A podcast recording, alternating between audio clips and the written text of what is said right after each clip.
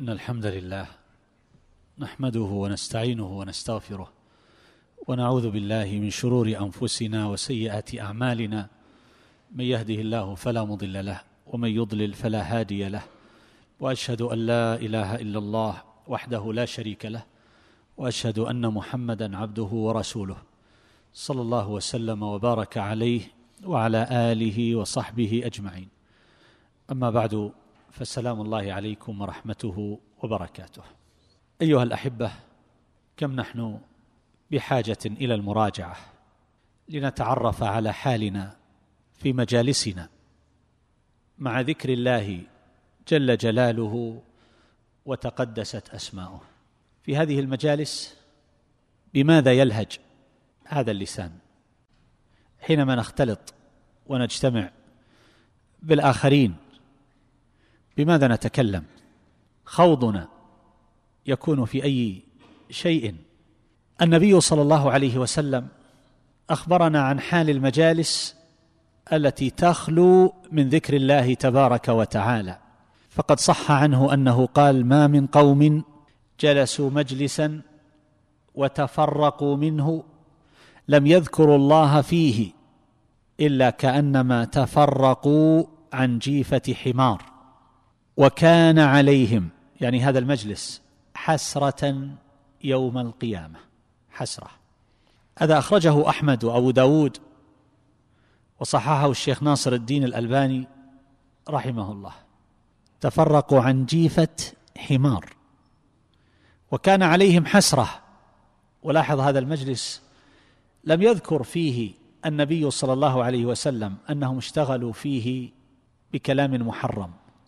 لو أنهم اشتغلوا بكلام مباح ولم يذكروا الله تبارك وتعالى في هذا المجلس فحالهم تكون كما وصف فكيف إذا كان الاشتغال بما حرم الله عز وجل من قالة السوء والوقيعه في الأعراض والنميمة وما إلى ذلك مما حرمه الله تبارك وتعالى من الأقوال والأفعال؟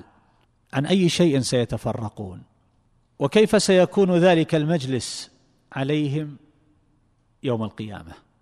فهل مجالسنا أيها الأحبة عامرة بذكر الله عز وجل؟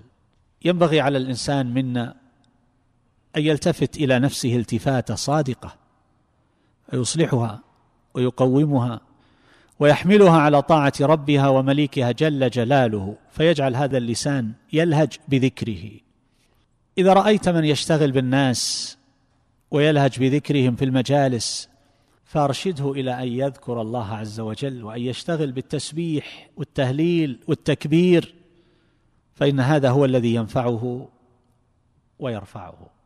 ثم إذا نظرنا إلى أحب الأعمال إلى الله تبارك وتعالى والمؤمن يبحث عن أحب الأعمال إلى ربه والأعمار قصيرة أعمارنا محدودة فينبغي في سيرنا وسلوكنا إلى ربنا تبارك وتعالى ونحن في تجارة معه. أن نبحث عن الشريف من الأعمال والجليل فنشتغل به ونملأ به. هذه اللحظات والأنفاس من أجل أن يقدم العبد على ربه بتجارة رابحة. والآخرة أيها الأحبة دار لا تصلح للمفاليس. والله عز وجل يقول بل الإنسان على نفسه بصيرة ولو ألقى معاذيره.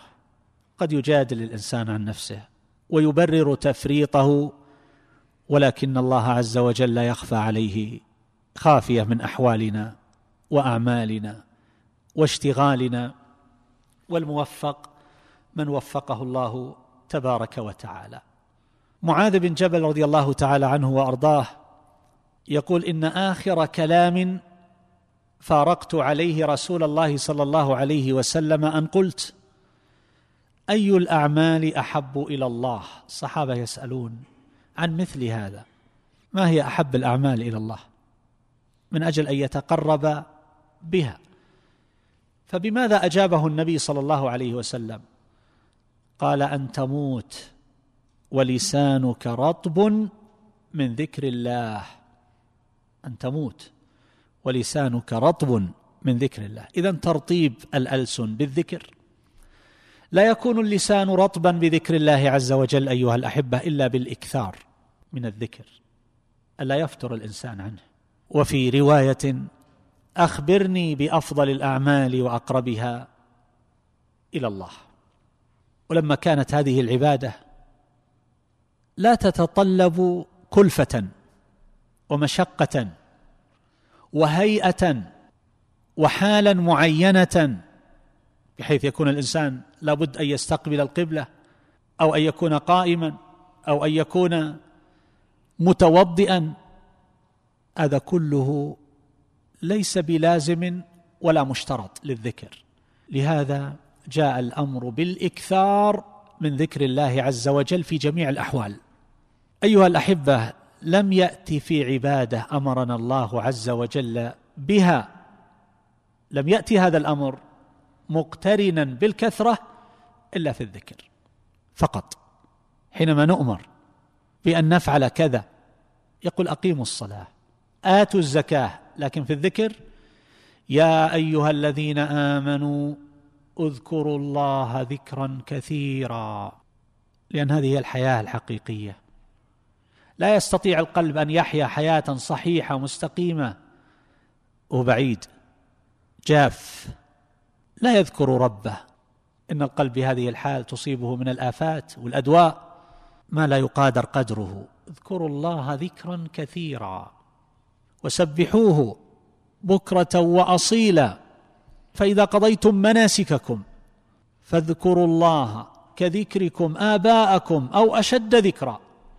كانوا في موسم الحج إذا جاءوا من عرفة ورجعوا إلى منى يشتغلون بذكر الآباء ومفاخر الأجداد فأمرهم الله تبارك وتعالى بعد هذه العبادة الشريفة العظيمة التي تكون سببا لحط الأوزار رجع من ذنوبه كيوم ولدته أمه. أمرهم بكثرة الذكر. اذكروا الله كذكركم آباءكم أو أشد ذكرا. العبد في الطريق أيها الأحبة لا يستغني ابدا عن الذكر بحال من الأحوال. حتى بعد هذه العبادة العظيمة التي أقيمت من أجل ذكر الله عز وجل حج العمرة المناسك الطواف السعي كل ذلك من أجل إقامة ذكر الله. ومع ذلك فإذا قضيتم مناسككم فاذكروا الله كذكركم آباءكم أو أشد ذكرا. وهكذا في مقام الثناء لأهل الإيمان الذين يذكرون الله قياما وقعودا وعلى جنوبهم. حينما يعرض الإنسان نفسه على هذه الآيات يخشى على نفسه من النفاق. قياما قعودا وعلى جنوبهم.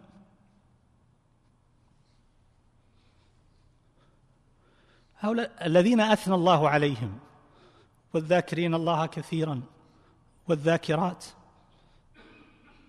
أعد الله لهم مغفرة واجرا عظيما. نكتفي بهذا القدر وأسأل الله عز وجل أن ينفعنا وإياكم بما سمعنا.